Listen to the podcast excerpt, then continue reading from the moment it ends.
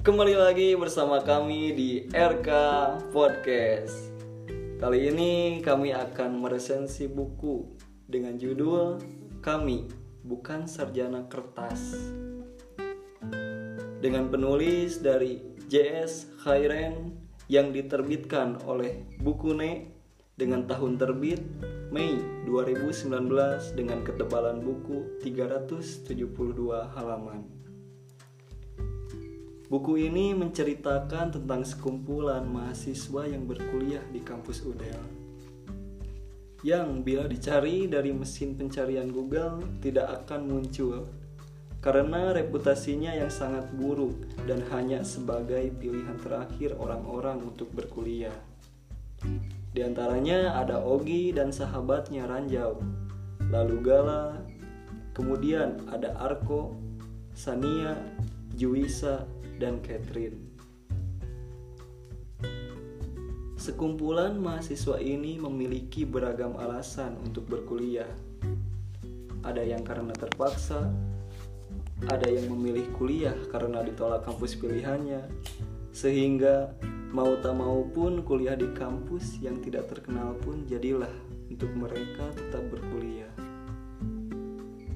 Karena menurut pandangan mereka sendiri, kuliah merupakan sesuatu yang membanggakan. Lalu, di hari pertama kuliah, mereka masuk di kelas konseling. Dan dosen yang mengajarnya adalah seorang dosen perempuan yang bernama Ibu Lira. Ia membawa koper hitam dan pizza, serta langsung membagikan pizza tersebut kepada seisi kelas yang sebanyak 30 orang. Di hari pertama, mahasiswa yang berada di kelas diberi sambutan yang membuat para mahasiswa ketakutan. Juga dengan riuh gemuruh suara mahasiswa yang membuatnya semakin takut. Cerita dari buku ini sangat bagus dan kebanyakan ceritanya itu berkaitan dengan kehidupan mahasiswa yang mengalami kesulitan.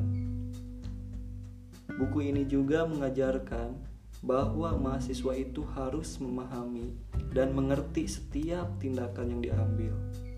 Karena setiap tindakan itu memunculkan sesuatu yang tidak kita ketahui juga dapat berdampak positif ataupun negatif pada kehidupan yang kita lakukan.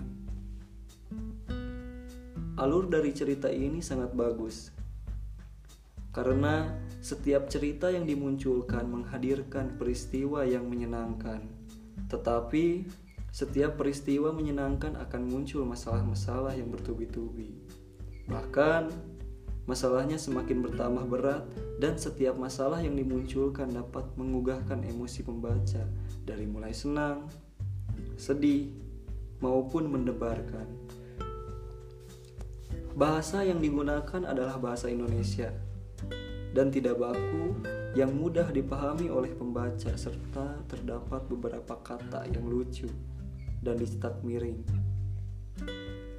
Buku ini sangat cocok untuk dibaca oleh para pelajar, mahasiswa, dosen, maupun orang tua.